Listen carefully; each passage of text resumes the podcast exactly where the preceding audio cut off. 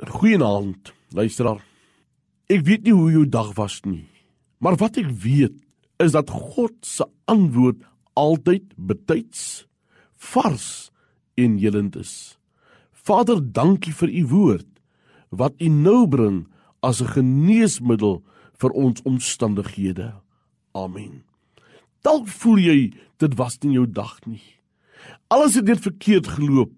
Jy voel soos 'n mislukking. Maar weet jy omdat God vir jou omgee, skep God juis hierdie geleentheid. Dis reg. Hierdie geleentheid dat jy nou kan luister na sy woord. Hy wil met jou praat. Moenie afskakel nie.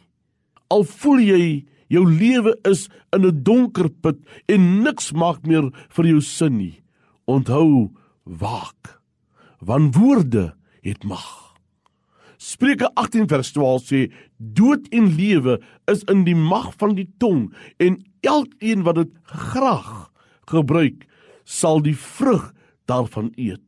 Waag dat jy negatiewe uitsprake oor jouself lewer. Uitsprake wat jou verder afdruk en verpletter. Waag dat mense se uitsprake jou negatief laat. Waag daarteen. Al verstaan jy nie alles waardeur jy nou gaan nie. Moenie uitsprake lewer nie. Weet jy dat jy by die Here kan gaan sit en van hom sê pappa, hoe gaan ek my huur betaal? Hoe gaan ek my motor betaal? My kind se klasgelde is agterstallig pappa. Hoe maak ek? Maar moenie uitsprake oor jouself laat nie. Weet jy hy sien jou waar jy nou sit terwyl jou trane loop. As jy vir hom sê Here, is kos in my huis nie.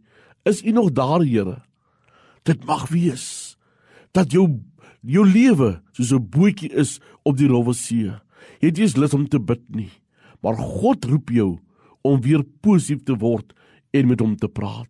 Hoor wat sê Jeremia 29: Dan sal julle my aanroep en heen gaan en tot my bid.